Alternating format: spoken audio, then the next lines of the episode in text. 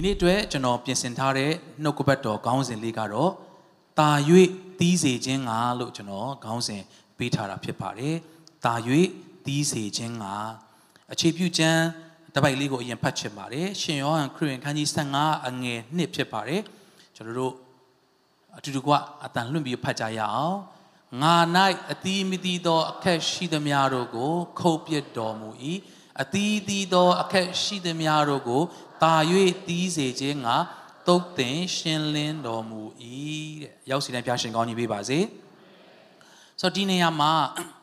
ရှင်းလင်းပြစ်ခြင်းခုတ်ပြစ်ခြင်းနှစ်မျိုးကိုကျွန်တော်တို့တွေ့ရတာဖြစ်ပါတယ်ဒီအိမ်မှာကြည့်မယ်ဆိုရင်ခုတ်ပြစ်တယ်ဆိုတာကအနုလက္ခဏာဖြစ်ပါတယ်ပြီးတော့နှမျောတဲ့စိတ်လေးနဲ့ကျွန်တော်တို့ကဟောင်းတဲ့ပစ္စည်းတစ်ခုတောင်မှလွတ်ပြစ်တဲ့နေပြီဒါပေမဲ့ မလွတ်ပြစ်ချင်သေးဘူးဘာလို့လဲနှမျောတယ်သူ့ရဲ့ဘလို့ဘလို့ဘလို့ဘလို့ရာဇဝင်မို့လို့ဆိုတာမျိုးလေးကျွန်တော်တို့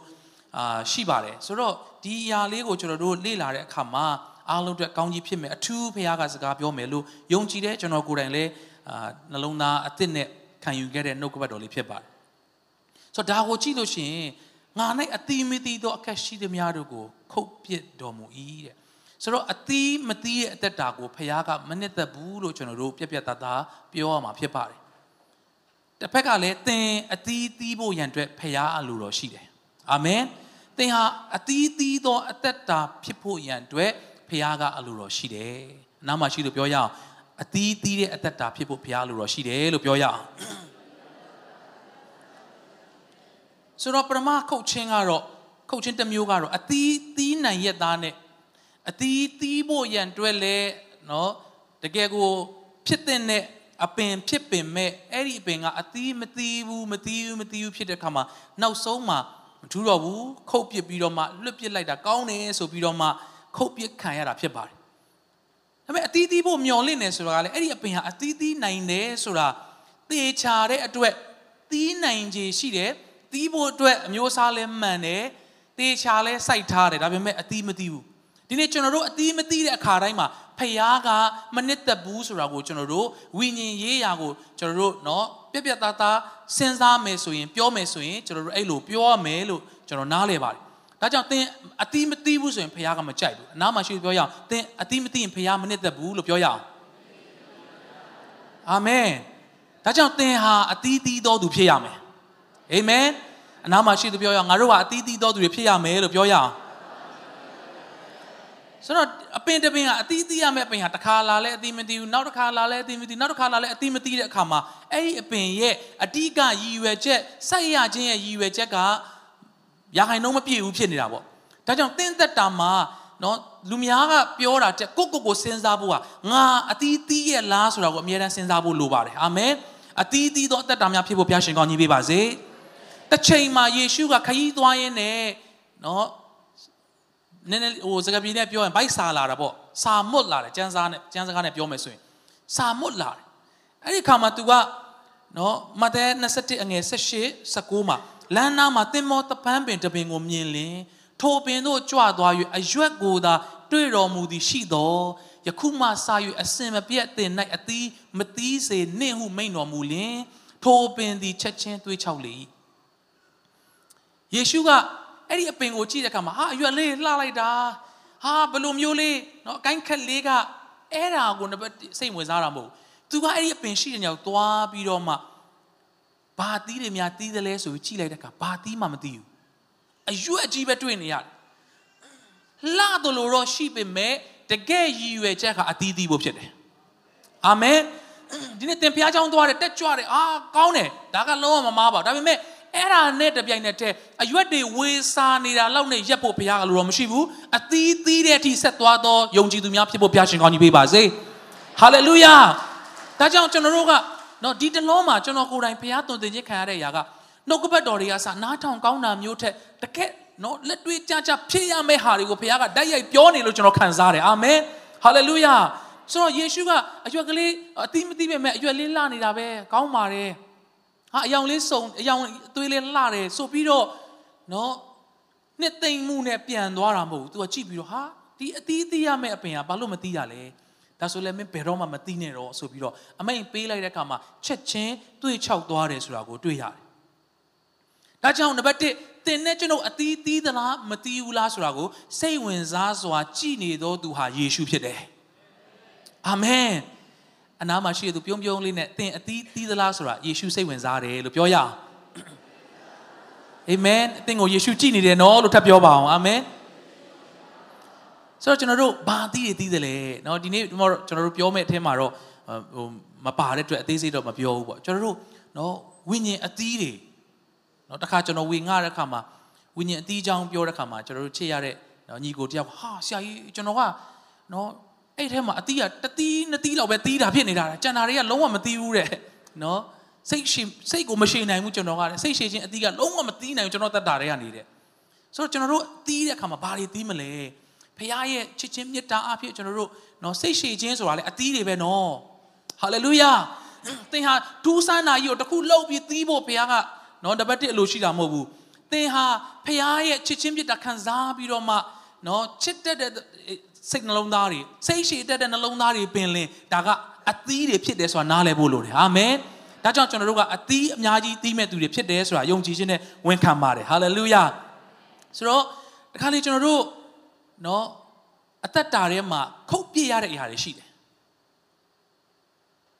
ကျွန်တော်တို့ခုတ်ပြစ်မှရှင်းလင်းပြစ်မှပို့ပြီးတော့မှအာရှင်တန်တဲ့ကြီးထွားတဲ့အရာတွေလည်းရှိတယ်ဆိုတော့ကျွန်တော်တို့နားလည်ရ ဒီနေ့မှာကျွန်တော်တို့အစမှပြောခဲ့သလိုပဲခုတ်ပစ်ခြင်းရှင်းလင်းခြင်းနှစ်မျိုးဆိုတော့ပထမတစ်မျိုးကတော့เนาะကျွန်တော်တို့ဒီလောက်ပြောရင်တော့နားလည်မယ်ထင်ပါတယ်အတိမတိဘူးဆိုရင်ခုတ်ပစ်ပြီးတော့မှလွန့်ပစ်ခြင်းခံရတဲ့ခုတ်ပစ်ခြင်းမျိုးဖြစ်တယ်ဒါပေမဲ့နှုတ်ကပတ်တော်ဟာပြည့်စုံတယ်အဲ့ဒီခုတ်ပစ်ခြင်းနဲ့ပဲရက်တော်ဖျားမဟုတ်ဘူးသင်ကိုအဲ့ဒီခုတ်ပြခြင်းထဲမှာပါစေခြင်းနဲ့ဘုရားမဟုတ်ဘဲနဲ့တာ၍သီးစေခြင်းကတုတ်တင်ရှင်းလင်းခြင်းခံရတော်သူဖြစ်ဖို့ဘုရားကအလိုတော်ရှိတယ်။အာမင်။ဟာလေလုယာ။ ဆိုတော့တခါလေကျရင်ကျွန်တော်တို့အတွက်ခက်ခဲပါတယ်ဆိုတဲ့ဟာမှဘုရားကတောင်းတဲ့အချိန်မျိုးရှိတတ်တယ်။ဇာရတာမျိုးသူရေပေးပါဆိုလွယ်လွယ်လေးပေးတယ်။ဒါပေမဲ့မုံရောဆိုတော့ချက်ချင်းခြေလမ်းရက်သွားတယ်။နော်ကျွန်တော်တို့လွယ်လွယ်ပေးနိုင်တဲ့အရာတွေရှိသလိုကျွန်တော်တို့အတွက်ဘုရားကလည်းဘာလို့ဒါကိုမှတောင်းရတာလဲဘာကိုမှဒါကိုမှဘာလို့ဒီလိုလုပ်ရတာလဲလို့ကျွန်တော်တို့စဉ်းစားစရာရှိပါတခါမှယေရှုစီကိုလူလင်တယောက်ကလာတယ်တဲ့ရှင်မာသဲအခန်းကြီး19အငယ်20နဲ့22မှာ ထိုလူလင်ကလည်းထိုပညာရှိသမျှတို့ကိုကျွန်ုပ်ဒီငယ်သောအရွယ်မှာစာ၍စောင့်ရှောက်ပါပြီအဘယ်အချင်းလိုသေးတနည်းကိုရှောက်ပြန်လေတဲ့သူကယေရှုစီကိုလာပြီးတော့မှနော်ကဲတင်ခြင်းဘယ်လိုရနိုင်ဘယ်လိုဆိုရင်စုံလင်ခြင်းရှိနိုင်မလဲလို့ပြောတဲ့အခါမှာနော်ယေရှုကလည်းသင်သည်စုံလင်ခြင်းသို့ရောက်လို့လေသွားလော့နော်ကျွန်တော်နောက်ကလိုက်ဆိုစီခြင်းနဲ့သွားလော့ကိုယ်ဥစ္စာများကိုရောင်း၍ဆင်းရဲသောသူတို့အားပေးလော့နော် तू မထင်ထားတာကြီးပြောလာတယ်အရှိမဖတ်ကြည့်မယ်ဆိုရင်ဩမကောင်းတာမလုပ်ဖို့နော်မပြစ်မှားဖို့စသဖြင့်ဒါကျွန်တော်အကုန်လုပ်ပြီးသွားပြီအဲ့ဒါတွေကျွန်တော်ကျင့်နိုင်တယ်ဘာတွေများကြံသေးလို့လဲလို့ပြောတဲ့အခါယေရှုကသိတယ်သူ့ရဲ့အတွင်းသဘောကိုသိတဲ့အခါမှာသွားပြီးတော့ရောင်းပြီးတော့ဆင်းရဲသားတွေပေးပါအဲ့လိုဆိုရင်ကောင်းကင်ဘုံ၌ဘန္နာကိုရလိမ့်မယ်တဲ့ထပ်ပြီးပြရအောင်တို့ပြီးမှငါနောက်တို့လိုက်လောလို့ပြိတော်မူ၏ ဟုတ်ပြီ22ကိုအတူတူဖတ်ရအောင်တင်းနဲ့သုံးထိုလူလင်သည်များစွာသောဥစ္စာကိုရတတ်သောသူဖြစ်၍ထိုစကားကိုကြားလျင် စိတ်မသာသည်နဲ့သွားလေ၏တဲ့အဲ့ဒီလူလင်ဟာနောက်တစ်ခါကျမ်းစာထဲမှာမပါတော့ဘူးသူဒီပေတျုတို့မတ်သဲတို့နဲ့အတူတူအခွင့်အရေးရတဲ့သူတယောက်ဖြစ်တယ်လို့ကျွန်တော်တော့ခံစားတယ်။ ဒါပေမဲ့ तू ကဆက်ပြီးမှတ်တမ်းတင်တဲ့အထိမပါလာတော့ဘူး။ဘာလို့လဲဆိုတော့ तू ကတခြားကတော့လုံနိုင်တယ်ဒါပေမဲ့ဒီဥစ္စာတွေတော့ပေးရမယ်ဆိုရင်မပေးနိုင်ဘူး။ဒါတွေကိုနော်ဆိုတော့ယေရှုကကြည့်ရတာနဲ့သူ့ကိုသိတာပေါ့။ तू ကတခြားဟာတွေလုံနိုင်တယ်ဆိုပြီးတော့ तू ကနော်ပြောတာကျွန်တော်အကုန်ချင့်ပြီးသွားပြီ။ဒါပေမဲ့ယေရှုကပြောတယ်မင်းဥစ္စာတွေရောင်းပြီးတော့မှစင်းသားတွေတော့ပေးလိုက် ပြောချင်တာကလူတိုင်းကိုပြောတဲ့စကားဖြစ်ချင်မှဖြစ်မယ်အဲ့ဒီအချိန်အတွက်အဲ့ဒီသူရဲ့နှလုံးသားကိုသိတဲ့အတွက်ယေရှုကအဲ့ဒီစကားကိုပြောတာဖြစ်တယ်အာမင်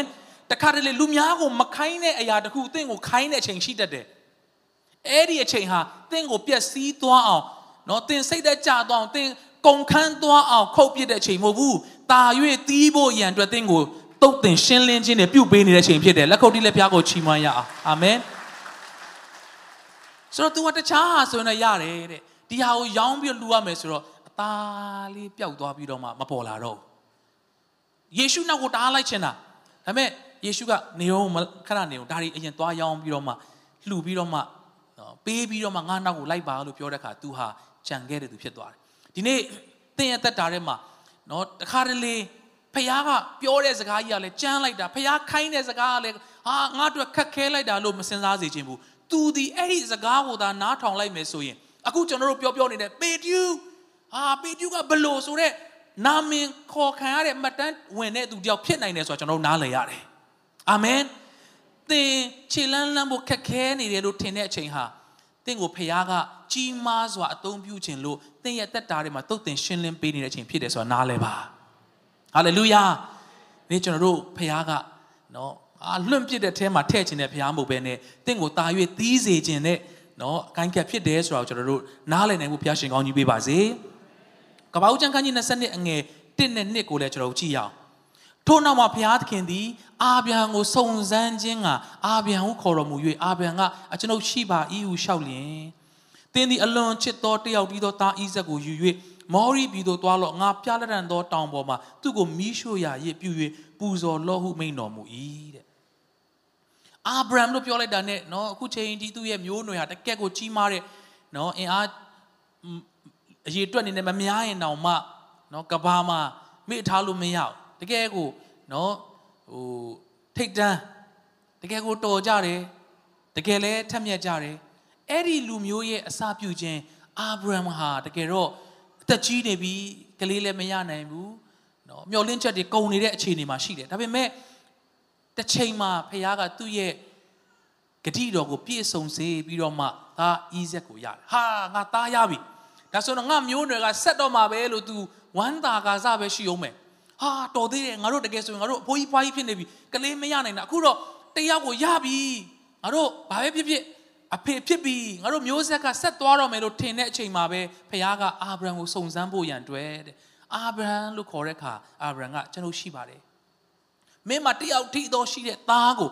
ငါ့ကိုပူဇော်မယ်ပူဇော်တဲ့အခါမှာမီးရှို့ရာရစ်ကိုပြုတ်ပြီးတော့မှပူဇော်ရမယ်ဘာမှကြံမှာမဟုတ်တော့ပြာပဲကြံတော့မယ်စဉ်းစားစရာပဲတခါလေကျွန်တော်တို့အသက်တာမှာဖခင်ကဘာဖြစ်လို့ဒီဟာကိုမှတောင်းရတာလဲဘာဖြစ်လို့ဒီဟာကိုမှနော်စွန့်လွတ်ခိုင်းတာလဲဖခင်ကဘာဖြစ်လို့ဒီဟာကိုမှကျွန်တော်တို့ကိုနော်မပေးတာလဲလို့ကျွန်တော်တို့အတင်းကျွန်တော်တို့စဉ်းစားတဲ့ချိန်ရှိတယ်ဒါပေမဲ့ သင်ယခုလောလောဆယ်သင်နားမလည်နိုင်သေးပေမဲ့တစ်ချိန်မှာအော်ဖခင်ကငါ့ကိုတာ၍ကောင်းကြီးပေးခြင်းလို့အဲ့ဒီတုန်းကအဲ့လိုပြောခဲ့တာပါလားဟာလေလုယာတာ၍အတီးတီးစေခြင်းတဲ့အတွက်ငါ့ကိုအဲ့လိုတုတ်တင်ရှင်းလင်းပေးတာပါလားလို့တာ၍နားလည်ရတော့နေ့ရက်ရောက်လာမှာဖြစ်ပါတယ်အာမင်ဟာလေလုယာလက်ခုပ်တီးလက်ပြားယေရှုတော်ကိုချီးမွမ်းရအောင်အဲ့ဒီခါမှာအာဗြဟံကတက်ကြွစွာနဲ့မနဲ့စောစောထပြီးတော့မှသူဟာနော်သူ့ရဲ့သားကိုပူဇော်ဖို့ရန်အတွက် တောင်ပေါ်ကိုသွားတယ်အဲ့ဒီခါမှာသူဟာနော်ဒီဖះကတကယ်မလုံလောက်ပါဘူးဆိုပြီးတော့မှ twist လုပ်တဲ့ပုံစံမျိုးနဲ့သွားတာမို့တကယ်ကိုသွားပြီးတော့မှတကယ်တတ်ဖို့ရန်အတွက်ပြင်ဆင်တာအဲ့ဒီချိန်မှာတဲ့အငယ်15ကနေကြည့်မယ်ဆိုတပန်ထာဝရဘုရားကြီးကောင်းကင်တပါးဒီကောင်းကင်ပေါ်ကအာဗြဟံကိုခေါ်လျက်တင်ဒီဤအမှုကိုပြု၍တင်ဤသားတင်၌တယောက်တည်းသောသားကိုငါအားမငင်းသောကြောင့်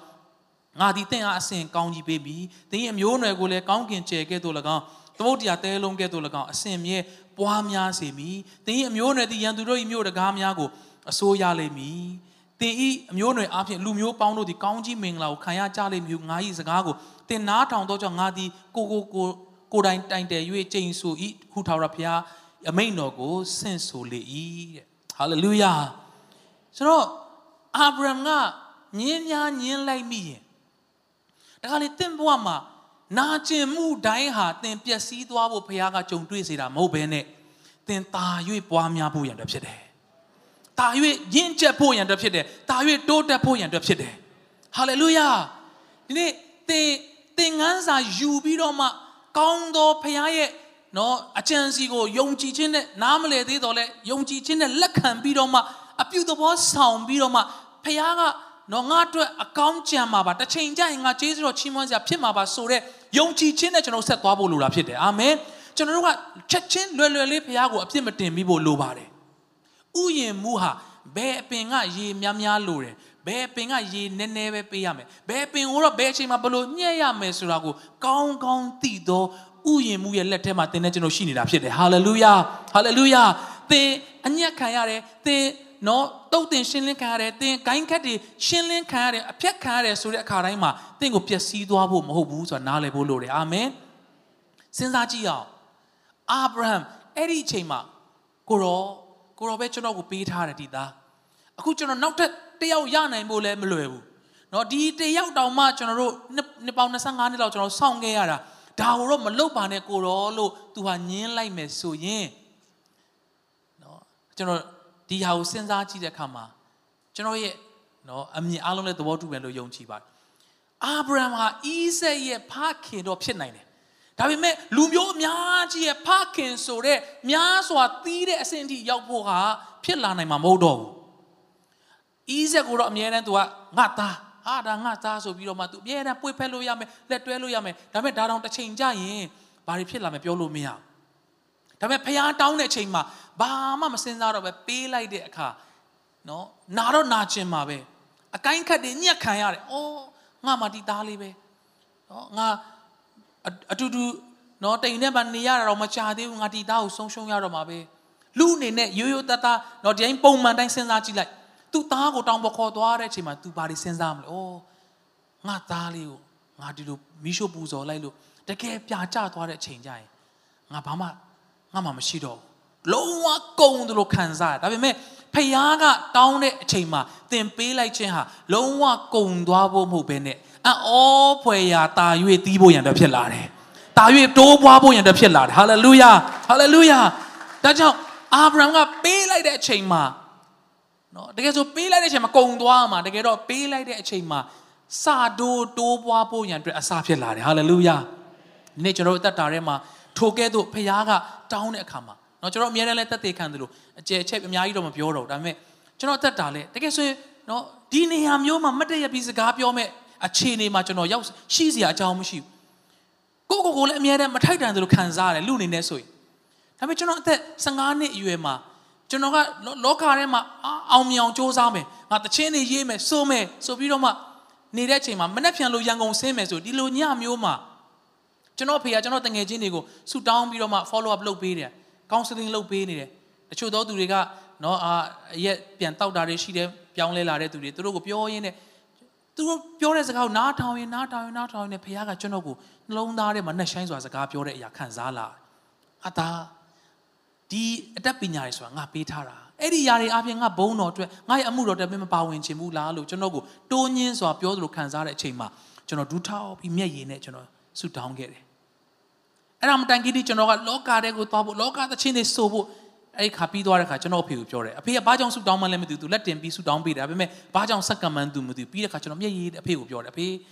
ကျွန်တော်အခုကစပြီးတော့မှကျွန်တော်ဘဝတစ်လျှောက်လုံးလောကသချင်းတွေမဆိုဘဲနဲ့ဘုရားသချင်းတွေပဲတီးဆိုချီးမွမ်းဖို့ကျွန်တော်စက္ကန့်လိုက်တယ်လို့ပြောတဲ့ခါအဖေကမျက်ရည်ကျပြီးကျွန်တော်ကိုဆူတောင်းပေးတယ်ဟာလေလုယာဟာလေလုယာကျွန်တော်တို့တ ခုခုဖြစ်ချင်တဲ့အရာတခုကိုအတောင်းခံလိုက်ရတယ်လို့ကိုတော့ဒီလိုမဟုတ်ပဲဟိုလိုလေးလုပ်လို့မရဘူးလားဒီလိုလေးလှုပ်လိုက်လို့မရဘူးလားနော်ဇရတမျိုးသူလဲအော်ကျွန်တော်တို့ကျမတို့မှာဒါလေးပဲရှိတာဒါစားပြီးသေဖို့စောင့်နေတာရတယ်ငါအတွက်အရင်လှုပ်လိုက်လှုပ်တာတော့သူ့အတွက်အရင်လှုပ်ခိုင်းတယ်ဒါပေမဲ့အဲ့ဒီအရာတွေကနောက်ဆုံးမှာသူတို့ရဲ့မိသားစု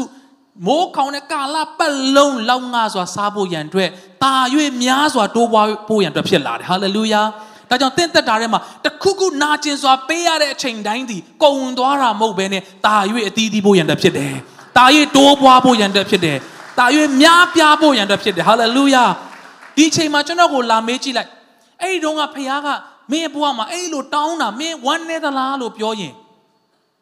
တော်သေးတယ်ဖခင်ကအဲ့ဒီတုန်းကကျွန်တော်ကိုအဲ့လိုအခွင့်အရေးပေးခဲ့လို့ဟာလေလုယာဒီနေ့ကျွန်တော်တို့ကိုပျက်စီးသွားဖို့ဖခင်ကအကြံစီမရှိဘူး။ တာ၍တိုးပွားစေခြင်းတဲ့အတွက်သူ့ရဲ့နိယာမထဲမှာကျွန်တော်တို့ကိုကောင်းကြီးပေးတဲ့ဘုရားဖြစ်တယ်အာမင်ပြီးတော့ကျွန်တော်တို့ကျမ်းစာတော်မဖတ်တော့ဘူးအားလုံးသိတယ်ယောသတ်ဒီတော်မှာလည်းကျွန်တော်တို့အများနဲ့ပြောဖြစ်ကြတယ်သူဒီတစ်ချိန်မှာနော်ဒုတိယဘယင်ခံဖြစ်ပြီးတော့မှသူခြေကြွဆိုတဲ့အခါတနိုင်ငံလုံးကကြွတယ်သူခြေချဆိုမှအားလုံးကချရတဲ့အထီးနော်အာနာရသွားတဲ့သူဖြစ်တယ်ဒါပေမဲ့သူ့ရဲ့ဘဝကိုကြည့်လိုက်တဲ့အခါမှာသူဒီနော်တုတ်တင်ရှင်းလင်းခြင်း ခုတ်ချင်းတွေခံခဲ့ရတယ်ဒါပေမဲ့အဲ့ဒီခုတ်ချင်းကကြတော့ကုံဆုံးသွားတဲ့နော်ပျောက်သွားတဲ့ခုတ်ချင်းမျိုးမဟုတ်ဘဲနဲ့သူ့ဘဝအမြင့်ဆုံးကိုရောက်နိုင်ဖို့ရန်အတွက်တာ၍သီးနိုင်ဖို့ရန်အတွက်လူပြောင်များစွာအတွက်တိုင်းနိုင်ငံတွေအတွက်ကောင်းကြီးဖြစ်ဖို့ရန်အတွက်သူ့ကိုပြုပြင်ပေးနေခြင်းဖြစ်တယ်အာမင်တင့်ကိုဖခင်ကတင့်နာကသူတွေအတွက်လည်းကောင်းကြီးဖြစ်စေခြင်းသလိုနိုင်ငံနဲ့ချီပြီးတင့်အားဖြင့်ကောင်းကြီးဖြစ်ဖို့လည်းဖခင်ကတင့်ကိုပြုပြင်ရှင်းလင်းပေးနေတဲ့အချိန်ရှိတယ်ဟာလေလုယာ အဲ့ဒီအချိန်မှာယုံကြည်ပြီးနာခံပြီးရှောက်နိုင်တော်သူဖြစ်ဖို့ဘုရားရှင်ကောင်းကြီးပေးပါစေဆိုတော့ယောသက်က comfort zone လို့ပြောလို့ရတဲ့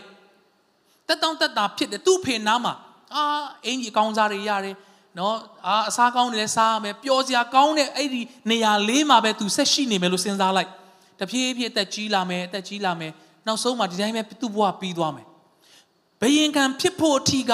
အဲ့ဒီ comfort zone မှာရှိနေလို့မရဘူး တခါလေဖခင်ကသင်အစဉ်ပြေတဲ့နေရာကနေဖခင်ကနှုတ်တယ်လို့ခံစားတဲ့အချိန်ဟာနာကျင်စွာသင်ခံစားရပေမဲ့အဲ့ဒီအချိန်ဟာသင်ကိုပျက်စီးသွားဖို့ခုတ်ပစ်တဲ့ဟာမဟုတ်ဘဲနဲ့သင်ပို့ပြီးတော့မှတီးနိုင်ဖို့ရန်တဲ့သင်ကိုတုတ်တင်ရှင်းလင်းပေးနေတဲ့အချိန်ဖြစ်ပါတယ်ဟာလေလုယာနော်တစ်ပင်တစ်ခါလေးကျညှက်ထားတယ်ကြည့်လိုက်ရင်လေအယိုးတန်တွေနဲ့ကြည့်လို့မကောင်းဒါပေမဲ့ ဥယျာဉ်မှုကသိတယ်မကြာခင်မှာဒီဟာကဒီပင်ကများစွာအသီးတွေတီးပြီးတော့မှအရန်လှပမယ်ဆိုတာကိုဥယျာဉ်မှုကကြိုသိပြီးသားဖြစ်တယ်ဟာလေလုယာသင်ဘွားကလောလောဆယ်အကိုင်းခတ်ကြီးကတော့ကျိုးတို့ကျဲတဲနဲ့အာဘာမှမလှပသလိုခံစားနေခံစားနေမယ်ဒါပေမဲ့ဥယျာဉ်မှုကကောင်းကောင်းသိပါတယ်ဒီပင်မကြာခင်လှပစွာပွင့်ပွင့်လာမယ်အသီးများစွာတီးလာမယ်ဆိုတာကောင်းကောင်းသိတဲ့ဖရားဖြစ်တယ်ဟာလေလုယာဒါကြောင့်သင်ဘွားရဲ့အသက်တာထဲမှာကြုံရတဲ့အရာတစ်ခုဟာနာကျင်တယ်ချိုးနေခြင်းခံရတယ်လို့ နော်အဆက်ကွဲတယ်လို့နော်ဆုံးရှုံးတယ်လို့ခံစားရတယ်ဆိုရင်ဒီနေ့ဖခင်ကအာဗြဟံကိုစုံစမ်းတယ်လို့မျိုးတင့်ကိုကောင်းကြီးပေးခြင်းလွန်းလို့သူပြောထားတဲ့ဂတိတော်ပြည့်စုံဖို့ရန်အတွက်အဲ့ဒီနေရာရောက်ဖို့ရန်အတွက်တွန်းပို့ပေးတဲ့အရာဖြစ်တယ်ဆိုရင်ယုံကြည်ခြင်းနဲ့ဝမ်းမြောက်စွာဆက်လျှောက်နိုင်ဖို့ဘုရားရှင်ကောင်းကြီးပေးပါစေယောသတ်တာအယောင်ကျွန်ဖြစ်ရောင်းစားမခံရဘူးဆိုရင်ပေါတိဖာအိမ်ရောက်မှာမဟုတ်ဘူး ပေါတိဖာအိမ်ရောက်တယ်အဲ့ဒီမှာတင်ပြီးသွားတယ်ဆိုရင်အာအဆင်ပြေနေတာ तू ဟာတမှုရဲ့ကိုယ်တမှုရဲ့အရန်အားထားရတဲ့လူယုံတယောက်ပဲဖြစ်သွားမယ်တိုင်းနိုင်ငံအများကြီးလောက်ထိကောင်းကြီးဖြစ်တဲ့သူဖြစ်လာမှာမဟုတ်တော့ဘူး तू ဟာတခါလေးတင်ကိုတော့မလုံနဲ့လေဒီလိုလေးအဆင်ပြေတယ်ဘာလို့ကျမကိုကျွန်တော်ကိုဒီလိုဖြစ်စေတာလေဒီလိုကြုံစေတာလေကိုတော့ကျွန်တော်ကျွန်မမခံနိုင်တဲ့အရာကျွန်တော်မှဒါလေးပဲရှိတဲ့အရာဘာလို့ဒါကိုပဲကိုရဖះကတောင်းတာလဲလို့ကျွန်တော်တို့နာကျင်စွာပြောမိတဲ့ချိန်ရှိတယ် သို့တော့ဒီနေ့မှာဒါကိုကြော်၍ဖះရဲ့အကြံစီကိုနားလည်ပြီးယုံကြည်နိုင်တော့သူဖြစ်ဖို့ဖះရှိကောင်းကြီးပေးပါစေယောသက်ကပေါ်တိဖာအိမ်မှာပဲအစဉ်ပြေပြေနဲ့ရှိတယ်ဆိုရင်သူ့ကိုဖះရောက်စေခြင်းနဲ့အမြင့်ဆုံးကိုရောက်နိုင်မှာမဟုတ်မာယွင်းစွာဆွဆွဲခံပြီးတော့မှထောင်ကျသွားတယ်အရှက်ကကွဲသေးတယ်တိတ်ခါကျသေးတယ်ထောင်ထဲရောက်သွားသေးတယ်ဒါပေမဲ့အဲ့ဒီထောင်ထဲရောက်သွားခြင်းကလည်းသူ့ရဲ့အဆုံးမဟုတ်သေးဘူးအာမင်တစ်ချိန်မှာအဲ့ဒီထောင်ထဲအနှိမ်ကျဆုံးထောင်ထဲကနေပဲ သူ့ဘဝရဲ့အမြင့်ဆုံးနေရာကိုရောက်သွားတယ်တခါလေတင့်ကိုခုတ်ထွင်ရှင်းလင်းနေတဲ့အချိန်မှာတင်ဟာနားလည်ပြီးတော့ယုံကြည်ပြီးတော့မှကျေးဇူးတော်ချီးမွမ်းနိုင်တော့တတ်တာဖြစ်ဖို့လိုတယ်အာမင်ကျွန်တော်တို့ကနားမလဲတဲ့အခါမှာဖခင်ကိုကျွန်တော်တို့အပြစ်တင်ကြတယ်နားမလဲတဲ့အခါမှာကျွန်တော်ဖခင်ကိုကျွန်တော်တို့မကောင်းပြောတတ်ကြတယ်ဟုတ်ဘူးဒီနေ့ဖခင်ကသူ့ရဲ့အကြံစီထဲမှာကျွန်တော်တို့ကိုရှင်းလင်းပေးနေတဲ့အရာတွေအများကြီးရှိတယ်။သင်ရဲ့နာကျင်ခြင်းတိုင်းဟာ သင်ကုံဆုံးသွားဖို့မဟုတ်ဘူးဆိုတာကိုနားလည်နိုင်ဖို့ဝိညာဉ်တော်ဘုရားကမဆာပါစေ။ဒါကြောင့်ကျွန်တော်တို့အသက်တာမှာအသီးသီးဖို့ဘုရားလိုတော့ရှိတယ်။အဲ့ဒီအသီးသီးဖို့ကနော်အရှိမကျွန်တော်တို့ဖက်ခဲ့ရဆိုငါနိုင်အသီးမသီးတော့သူဆိုတော့ကျွန်တော်တို့အသီးသီးနိုင်ဖို့ကဖျားအားဖြင့်ပဲကျွန်တော်တို့သီးသီးနိုင်တာဖြစ်တယ်။အာမင်။ဒါကြောင့်ကျွန်တော်တို့အသက်တာထဲမှာအတိမသိဘူးဆိုရင်ကျွန်တော်တို့ဒီဒီတိုင်းမနေဘဲနဲ့ကျွန်တော်တို့ရဲ့ချိတ်ဆက်မှုတွေမှန်ကန်ရဲ့လားလို့ကျွန်တော်တို့ပြန်စဉ်းစားဖို့လိုအပ်ပါတယ်။ တစ်ဖက်ကလည်းတော့ထိုကဲ့သို့အတိများစွာသိနိုင်ဖို့ရန်အတွက်ခုတ်တွင်ရှင်းလင်းခြင်းတွေလာတဲ့အခါမှာသင်စိတ်သက်လွယ်လွယ်မကြသွားဖို့ရန်အတွက်အရေးကြီးပါတယ်။ဥယျာဉ်မှုကအကောင်းဆုံးသိတယ်။အာမင်။နော်ကျွန်တော်ပြောဖို့စဉ်းစားထားတာမဟုတ်သို့တော့ဥယျာဉ်တော့လည်းနည်းနည်းပေါ့ပြောဘူးတယ်ကျွန်တော်အကိုကအင်ဂျင်နီယာတယောက်အနေနဲ့နှစ်ပေါင်းများစွာအလုပ်လုပ်ပြီးတော့မှဒီမြန်မာပြည်မှာလည်း Mayflower Band အစတဲ့အချိန်မှာ तू ကဒီ ATM ဆက်တွေကို तू ကအာဒီပြုပြင်ရတဲ့တာဝန်ယူရတဲ့ engineer တယောက်ဖြစ်တယ်။ အဲ့ကနေစင်ကာပူရောက်တယ်စင်ကာပူမှာလည်းအာဒီ engineer တယောက်အနေနဲ့သူဟာကောင်းမွန်တဲ့အလုပ်တွေကိုနော်ကောင်းမွန်တဲ့အာလစာတွေနဲ့လုပ်တယ်ဒါပေမဲ့အဲ့ဒီအရာမတိုင်ခင်မှာသူ့ဘဝနော်စင်ကာပူရောက်ပြီးတော့မှအသင်းတော်တစ်ပါးဖြစ်လာပြီးတော့မှလူမြောင်များဆိုတဲ့ကောင်းကြီးဖြစ်ဖို့ရန်အတွက်ဖခင်ကရှေးမစွာကလေးကကြံစီထားတဲ့အခါမှာသူဟာ၁၀တန်းဖြည့်တဲ့အခါမှာအဲ့တုန်းကနော်ကာနဲ့ခနဲ့ရှိတဲ့အခါမှာဟာ तू ကစ조사တယ်စာလဲတော်တယ် နော်ကျွန်တော်ရှစ်တန်းကိုးတန်းတိ तू ကနော်တစ်နှစ်သုံးအများတန်းရတယ်လို့ကျွန်တော်အဖေမိရလည်းအများတန်းပြောတယ် तू စာတော်တယ်စာစူးစားတယ်ဟာဆယ်တန်းနှစ်တုန်းကကျွန်တော်နဲ့တခန်းနဲ့အိတ်ကြတဲ့ခါမှာ तू ကမနေ့ဆို၄နိုင်၅နိုင်ထပြီးစာချက်တယ်စူးစားတယ်ဒါပေမဲ့နော်ဆယ်ဆယ်ပါတွေကသူ့ကိုဆိုရင်အောင်လားမအောင်လားမေးဖို့မဟုတ်ဘူးဂုံတူဘယ်လောက်ရမလဲဒါပဲမေးရမှာဆိုပြီးပြောထားတာအာ तू ကလည်းစူးစားတယ်ဖေမိရလည်းဂုံယူတာပေါ့ဟာပန်ပိုးပေးပြီးတော့နောက်ဆုံးအောင်စင်းထွက်လာတဲ့ခါကျတော့ နော်ဘယ်ဘာသာဘလို့ခြေကျော်လက်ကျော်ဖြစ်ဘာလဲတော့မသိဘူးသူဟာခနဲ့ပဲအောင်တယ်ဆာမွေးပွဲကိုအတင်းတော်မှာလဲဆာမွေးပွဲနီးပေမဲ့သူကစ조사ပြီးပါဝင်တယ်မပြတ်ဘူး worship တွေဦးဆောင်တဲ့ဂီတာတီးတယ်မနေ့ဆိုလဲ၄နာရီ၅နာရီနော်အာအတင်းတော်မှာပါလို့ငါဟိုမစ조사ဘူးမဟုတ်ဘဲနဲ့အတင်းတော်မှာလဲပါတယ်စာချက်တဲ့ပိုင်းမှာလဲမနေ့၄နာရီ၅နာရီထပြီးတော့မှစာချက်တဲ့ရန်စ조사တယ် best song ကနေ तू ကစ조사တာဒါပေမဲ့တကယ်တမ်းအဖြေထွက်လာတဲ့အခါဘီတဲ့ပဲအောင်တယ် သူငိုတယ်ရက်တော်တော်ကြာကြာအပြစ်မထွက်ရဲဘူးလူများတွေမေးရင်သူ့မှာဖြေစရာမရှိဘူးဒါပေမဲ့အဲ့ဒီကနေမှတော့အမြန်ပြောရရင်ဘုရားကျေးဇူးတော်နဲ့ပို့ဆောင်ခြင်းအဖြစ်သူဟာနော် AGDI နော်ဒီ engineer line ကိုရောက်လာပြီးတော့မှသူရှုံးနိုင်တယ်လို့ထင်ထားတဲ့အရာကတကယ်တော့ဘုရားကသူ့ကိုများစွာကောင်းကြီးဖြစ်ဖို့အဲ့ဒီလမ်းကိုတွန်းပို့ခဲ့တယ်ဆိုတာကိုအခုချိန်မှာသူပြန်နားလည်သွားတာဖြစ်တယ် hallelujah သင်အရင်တော့ကြားခဲ့ရတဲ့မျက်ရည်တွေဟာတစ်ချိန်မှာကျေးဇူးတော်ချီးမွမ်းရမယ်တသက်ခံစရာတွေဖြစ်လာပဲဟာလေလုယာဟာလေလုယာဟာလေလုယာသင်ကိုပျက်စီးစေခြင်းလို့သင်ကိုကုံသွားစေခြင်းလို့ခုတ်ပစ်တဲ့ຢာတွေမဟုတ်ဘူးသင်ကိုတာ၍သီးဖို့ရန်အတွက်ခုတ်ထွင်ရှင်းလင်းပေးတဲ့အချိန်ရှိတယ်အဲ့ဒီအချိန်ဟာသင်အတွက်ကောင်းကြီးဖြစ်ခြင်းရဲ့အစဖြစ်ပါတယ်ဟာလေလုယာဆိုတော့ကျွန်တော်တို့အသက်တာထဲမှာစဉ်းစားဖို့လိုတာနှစ်ခုခုတ်ပစ်ခြင်းပရမခုတ်ပစ်ခြင်းထဲမှာမပါသွားဖို့အရေးကြီးပါတယ် အာမင်သင်ဟာအတီးမတီးလို့နောက်ဆုံးမှာအခုတ်ပြခံရတဲ့အထဲမှာမပါသွားဖို့ဖခင်ကသင်ကိုအလိုရှိတယ်ထို့တူပဲသင်ကိုတာ၍တီးဖို့ရန်တွေ့ဖခင်ကဒီနေ့နှုတ်ကပတ်တော်ကိုလည်းကြားစီတာဖြစ်မယ်လို့ယုံကြည်တယ်ကျမ်းစာတစ်ပိုက်ဆက်ဖတ်မယ်ရှင်လုကာခန်းကြီး73အငယ်6နဲ့6ကနေ9မှာ တပံဥမာကိုမိန်တော်မူသည်ကလူတယောက်သည်ဥယျင်၌စိုက်သောသင်္ဘောတပန်းပေတပင်ရှိ၏ထိုပင်တို့လာ၍အသီးကိုရှာတော်လဲမတွေ့ထိုအခါဥယျင်ဆောင်အားလဲသုံးနှစ်ပတ်လုံးဤသင်္ဘောတပန်းပင်တို့ငါလာ၍အသီးကိုရှာတော်လဲမတွေ့ရခုတ်ပစ်လော့အဘဲကြောင့်မြေကိုနှောက်ရှက်ရသည်နည်းအမိန်ရှိတော်ဥယျင်ဆောင်ကသခင်ယခုနှစ်ရှိပါစေ။အိုအကျွန်ုပ်ဒီအပင်နာပတ်လေကိုတူးဆွာ၍နောက်ချေးကိုဖို့ပါမည်အတီးတီးကောင်းတီးပါလိမ့်မည်သို့မဟုတ်နောက်မှခုတ်ပစ်တော်မူပါဟုရှောက်လေသည်ဟုမိန်တော်မူ၏နော် ဥယျင်ဆိုင်တဲ့သင်္ဘောတပန်းပင်တပင်ရှိတယ်အဲ့မှာအတီးကိုရှာတာမတွေ့ဘူးနော်သုံးနှစ်ပတ်လုံးအဲ့ဒီသင်္ဘောတပန်းမျိုးလာတာအသီးကိုရှာတာလုံးဝမတွေ့ဘူးမတွေ့တဲ့အခါမှာဘာလို့ကြိုင်းထားနေမှာလဲခုတ်ပြစ်လိုက်တော့မြေကိုဘာလို့နှောက်ရှက်ရတယ်လဲလို့မိန့်တယ်အဲ့ဒီအခါမှာဥယျင်ဆောင်ကသခင်ယခုနှစ်ရှိပါစေ哦ကျွန်တော်တူးဆွပြီးတော့မှနောက်ချွေးတွေကိုနော်မြေဩဇာတွေကိုဖို့ကြည့်ပါအောင်မယ်တဲ့ အသီးသီးကောင်းသီးပါလိမ့်မယ်သို့မဟုတ်နောက်မှခုတ်ဖြစ်တော်မူပါရှေ့နေဝင်ပေးတယ်ဒီနေ့သင်ရဲ့အသက်တာထဲမှာနော်နောက်မကျသွားဖို့ရန်အတွက်ဒီနေ့နှုတ်ကပတ်တော်ကိုဘုရားကကြားစီတယ်လို့လည်းယုံကြည်ပါတယ်အာမင်သင်ကိုခုတ်ပြခြင်းခံရတဲ့အထဲမှာပါသွားဖို့ဥယျင်မှုကအလိုမရှိဘူးဥယျင်ဆောင်ကအလိုမရှိဘူးခဏလေးသီးခံပြီးစောင့်ပေးပါဦးမြေတူးဆွကြည့်ပါဦးမယ်မြေဩဇာတွေနောက်ချီးတွေဖို့ကြည့်ပါဦးမယ်ဒီနေ့ သင်သင်ဘဝတက်တာထဲမှာအတိမတိခဲ့မတိခဲ့ဘူးဒီနှစ်မှာနော်အတိသီးနိုင်သောနှစ်ဖြစ်ဖို့ရန်အတွက်ဘုရားရဲ့နှုတ်ကပတ်တော်ကရောက်လာပြီဖြစ်တယ်ဟာလေလုယာကျွန်တော်တို့ဘလောက်ပဲအရွက်တွေဝေစားနေပါစီအတိမတိဘူးဆိုရင်အဲ့ဒီအပင်ရဲ့ရည်ရွယ်ချက်ကနှမျောစရာပဲနော်ပြောရတာစိတ်မကောင်းတို့တော့ဒါကတမာတရားဖြစ်တဲ့အခါမှာမတိမတိမတိဖြစ်လာတဲ့အခါနောက်ဆုံးမှာခုတ်ပစ်ခြင်းတဲ့ထဲကိုထဲလဲရတဲ့အပင်တွေလည်းရှိမှာပဲအကိုင်းခတ်တွေလည်းရှိမှာပဲ ဒါပေမဲ့ဒီနေ့နှုတ်ကပတ်တော်အချိန်မီရောက်လာတယ်သင်နဲ့ကျွန်တော်အသီးသီးဖို့ရန်အတွက်ဒီနေ့အချိန်မီပြင်ဆင်ဖို့ဖြစ်ပါတယ်လိုအပ်တယ်ဆိုကျွန်တော်တူးဆွကြမယ်ကျွန်တော်ဒီတိုင်းကြီးမနေဘဲနဲ့တူးဆွမယ်ဖို့စရာလိုတဲ့အရာတွေကိုဖို့မယ်ကျွန်တော်မြေဩစရာဓာတ်တွေနော်ဟိုဒီအသီးသီးနိုင်မဲ့ဓာတ်တွေလိုတယ်ဆိုကျွန်တော်တို့နှုတ်ကပတ်တော်တွေကျွန်တော်ဖျားနဲ့မွေ့လျော်ခြင်းနဲ့ကျွန်တော်ဖြည့်မယ်ကိုရောဒီနှစ်တော့မခုတ်ပါနဲ့哦 အသီးသီးကောင်းသီးပါလိမ့်မယ်ဒီနေ့သင်မိသားစုထဲမှာအသီးမသီးနိုင်တဲ့သူရှိတဲ့အခါမှာဒီတိုင်းကြီးလက်ညှိုးမထိုးပါနဲ့ဂျားဝင်ဆူတောင်းပေးရအောင်ကိုရောမခုတ်ပစ်ပါနဲ့ဟုတ်ကိုရောမခုတ်ပစ်ပါနဲ့ဟုတ်မလွတ်ပစ်လိုက်ပါနဲ့ဟုတ်ဒီနေ့အသီးသီးကောင်းသီးပါလိမ့်မယ်ကျွန်တော်သူ့အတွက်ဆူတောင်းနေပါတယ်။အိုးသူ့အတွက်ကျွန်တော်ကျမခုလိုဆူတောင်းနေပါတယ်။ကိုရောမဆပါဆိုပြီးတော့မှကျွန်တော်တို့ကဂျားဝင်ဆူတောင်းပေးဖို့ရန်အတွက်လည်းဖြစ်ပါတယ်။အာမင်။ ဆိုတော့ဒီနေ့အတွက်နှုတ်ကပတ်တော်ကသိနားထောင်ကောင်းတဲ့နှုတ်ကပတ်တော်မဟုတ်တော့လည်းပဲဒီနေ့လက်တွေ့ကြကြသင်အသီးသီးနိုင်ဖို့သင်သီးခြင်းတယ်ဆိုရင်တော့ဒီနှုတ်ကပတ်တော်ကိုအပိုင်ယူသွားပါဟာလေလုယာဟာလေလုယာကိုတော့ဒီနေ့တော့မခုတ်ပါနဲ့အောင်ကျွန်တော်တို့တူးဆွပါအောင်ကျွန်တော်မိသားစုကိုမခုတ်ပစ်ပါနဲ့အောင်ကိုတော့ကျွန်တော်တို့တူးဆွပါအောင်ကျွန်တော်တို့ဒီနေ့မှာကိုတော့ဖခင်ရဲ့စကားကိုနားထောင်ရင်းနဲ့ကျွန်တော်လိုက်ပါအောင်မယ်ဟာလေလုယာဒီနေ့ကျွန်တော်တို့ ဒီမှာရှိတော်သူများအားလုံးဘယ်သူမှခုတ်ပစ်ခြင်းနဲ့မှမပါသွားသောမိသားစုများဖြစ်ဖို့ဘုရားရှင်ကောင်းကြီးပေးပါစေ။တာ၍တည်သောသူများဖြစ်ဖို့ရတဲ့ဘုရားရှင်ကောင်းကြီးပေးပါစေ။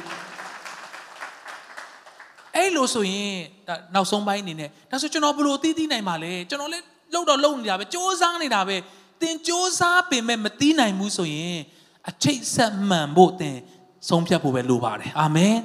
ရှင်ယောဟန်ခန်းကြီး15အငယ်9မှာငါသည်စပြည့်နွယ်ပင်ဖြစ်၏ သင်တို့သည်အခက်များဖြစ်ကြ၏အကျဉ်သူသည်ငါ၌တည်၍ငါသည်လည်းသူ၌တည်ထိုသူသည်များစွာသောအသီးကိုတည်တတ်၏ငါနှင့်ကွာလင်သင်တို့သည်အဘယ်မှုကိုများမတတ်နိုင်ကြများစွာသောအသီးသီးဖို့ရန်တွက်ကအရေးကြီးဆုံးသောအရာကအကျဉ်သူသည်ငါ၌တည်၍ငါသည်လည်းသူ၌တည်အပြန်လန်တည်ကြဖို့လိုတာဖြစ်တယ်အာမင်ကျွန်တော်တို့ကနော်ကောင်းကြီးတွေပဲလိုချင်တယ် နော်ဖခင်ကျွန်တော်တို့ကိုအစဉ်ပြေအောင်လုပ်ပေးတာတွေပဲကျွန်တော်တို့လိုချင်တယ်ဒါပေမဲ့ကျွန်တော်ရဲ့အသက်တာထဲမှာချိတ်ဆက်မှုမမှန်ကန်တဲ့အခါကျွန်တော်တို့မချိတ်ဆက်ခြင်းတဲ့အခါသို့မဟုတ်နော်ဖခင်နဲ့ချိတ်ဆက်ခြင်းကျွန်တော်စိတ်ဝင်စားတဲ့အခါမှာချိတ်ဆက်မှုမမှန်တဲ့အခါအဲ့ဒီအကိုင်းခက်ကဘလောက်ပဲဝေစာနေပါစေဘလောက်ပဲလောလောဆယ်လှနေပါစေအသီးသီးရဲ့အထိမရောက်လာနိုင်တော့ဘူး အသီးသီးတဲ့တီးနိုင်တဲ့အပင်ကနေအခက်လေးကိုညှက်ပြီးတော့မှဒီတိုင်းပဲယူသွားပြီးကိုယ့်အကိုအိမ်ထဲမှာနော်တနေရာမှာပန်းအိုးဒီထဲမှာထည့်ထားတယ်လောလောဆယ်တော့လှနေမယ်2ရက်3ရက်လှနေမယ်အာအရွက်တွေလည်းဝေစားနေမယ်ဒါပေမဲ့အသီးသီးချင်းဆိုတဲ့ထပ်ပြီးမွေးဖွားခြင်းရှိလာဖို့ရန်တော့ကမဖြစ်နိုင်တော့ဘူးဘာလို့လဲအကိုင်းခက်ကအပင်နဲ့ကွာလိုက်တဲ့အခါမှာဘာမှအသီးမသိနိုင်တော့ဘူးဒီနေ့ကျွန်တော်တို့သက်တာထဲမှာကျွန်တော်တို့ရဲ့အမြင့်ဆုံးပန်းတိုင်ဟာ2024မှာ ကျွန်တော်ကျမသည်အသီးသီးသောသူဖြစ်ရမယ်လို့ကျွန်တော်ဆုံးဖြတ်ဖို့လိုတယ်ဟာလေလုယာအဲ့လိုတီးတီးတဲ့ခါမှာလေကျွန်တော်တို့ကဟာအထူးထူးဆန်းဆန်းနေနမိတ်လက္ခဏာတွေနံပါတ်1မဟုတ်ဘဲနဲ့ကိုရောဖရားရဲ့ချစ်ချင်းမြတ်တာတွေခွင့်လွှတ်ခြင်းတွေစိတ်ရှည်ခြင်းတွေနော်တကယ်ကိုနူးညံ့ခြင်းတွေစသဖြင့်ကျွန်တော်တို့ရဲ့အသီးတွေများစွာတီးတော်သူဖြစ်ဖို့ရန်အတွက်အရေးကြီးတယ်။ဘာဖြစ်လို့လဲဆိုတော့တဲ့ယောဟန်ခန်းကြီး15အငယ်8မှာသင်တို့ဒီများစွာသောအသီးကိုတီးတော်အဖြစ်ငါခမည်းတော်ဒီဘုံထင်ရှားတော်မူ၍သင်တို့ဒီလည်းငါဤတပည့်အမှန် ကြလိမ့်မည်တဲ့အာမင်သင်ဟာခရစ်တော်ရဲ့တပည့်မှန်တယ်ဆိုရင်အသီးသီးကိုတီးရမယ်လို့ကျွန်တော်ညီမချင်းချလို့ရပါတယ်တစ်ဖက်ကလည်းသင်ဟာအသီးမတီးဘူးဟာအရွက်တွေတော့လှနေတယ်ဟုတ်တယ်လို့တော့ရှိနေဒါပေမဲ့အသီးမတီးဘူးဆိုရင်ဩငါဟာတပည့်မှန်ဟုတ်ရဲ့လားလို့ကျွန်တော်ပြန်စဉ်းစားစရာရှိပါတယ်ဒါကြောင့်ဒီနေ့ဒီနှစ်မှာသင်ရဲ့သက်တာထဲမှာနော်မှန်ကန်သောအသီးတွေ တလုံးတော့ပဲပို့ပဲနဲ့များစွာသောအသီးကိုတီးတက်ဖို့ရန်အတွက်ယေရှုခရစ်တော်ငါဟာစပစ်နွယ်ပဲဖြစ်တယ်မင်းတို့ကအကိုင်းခတ်ဖြစ်တယ်ငါ၌တည်နေကြပါဒါဆိုရင်မင်းတို့အသက်တာထဲမှာများစွာသောအသီးတွေတီးမယ်ငါနဲ့ကြွာရင်တော့ဘာမှဖြစ်နိုင်မှာမဟုတ်ဘူး2024မှာသင်များစွာသောအသီးတွေတီးဖို့ရန်အတွက်သင်ဆန္ဒရှိတယ်ဆိုရင်သင်လုပ်ရမယ့်အရာကဘုရားနဲ့ချိတ်ဆက်ခြင်းပဲဖြစ်ပါတယ်အာမင် လူငယ်များတင့်သက်တာတွေမှာများစွာသောအသီးတွေတီးဖို့ရန်အတွက်ယေရှုခရစ်တော်နဲ့ချိတ်ဆက်တယ်ဆိုရင်တင့်သက်တာဟာများစွာသောအသီးတွေစာတိုးတိုးပွားဖို့ရန်အတွက်ခုနအာဗြဟံလိုပဲနော်သူဟာသားတယောက်ရဲ့အဖေအခြေအနေကနေပြီးတော့မှအဲ့ဒီသားကိုပေးလိုက်တဲ့အချိန်မှာလူမျိုးအများကြီးရဲ့ဖခင်ဖြစ်တဲ့အထိစာတိုးတိုးပွားခြင်းကိုရောက်သွားတာဖြစ်တယ်အာမင်ဒါကြောင့်သင်ရဲ့အသက်တာမှာကျွန်တော်ရဲ့အသက်တာမှာများစွာအသီးသီးခြင်းနဲ့ဆိုရင်ချိတ်ဆက်မှုမှန်ရမယ် ထို့တူပဲအဲ့ဒီချိတ်ဆက်ထားတဲ့အကိုင်းခတ်တွေမလွတ်ဘူးနော်တခါလေတုတ်တင်ရှင်းလင်းခံရတယ်ကိုရောကျွန်တော်တို့ကိုရောကိုယုံကြည်တယ်လေကျွန်တော်တို့ကိုရောဖျားနဲ့ရှောက်လန်းနေတယ်လေကိုရောကျွန်တော်ဆူတောင်းနေတယ်လေတခါလေနေ့တိုင်းဆူတောင်းနေပေမဲ့နေ့တိုင်းစံစာဖတ်ဖျားနဲ့အချိန်ယူနေပေမဲ့စိတ်အစင်မပြေစရာလေးတစ်ချက်ချက်တွေ့ရတဲ့ချိန်ရှိတယ်ကိုရောဘာလို့လဲလို့သင်မေးကုန်မထုတ်ပါနဲ့အဲ့ဒီအချိန်ဟာသင်တာ၍အတီးတီးစေခြင်းကတုတ်တင်ရှင်းလင်းပေးနေတဲ့အချိန်ဖြစ်ပါတယ်ဟာလေလုယာဟာလေလုယာ ဒါကြောင့်ဒီနေ့နှုတ်ကပတ်တော်ကအရောက်စီတိုင်းအတွက်ဖခင်ရှင်ကောင်းကြီးပေးပါစေ။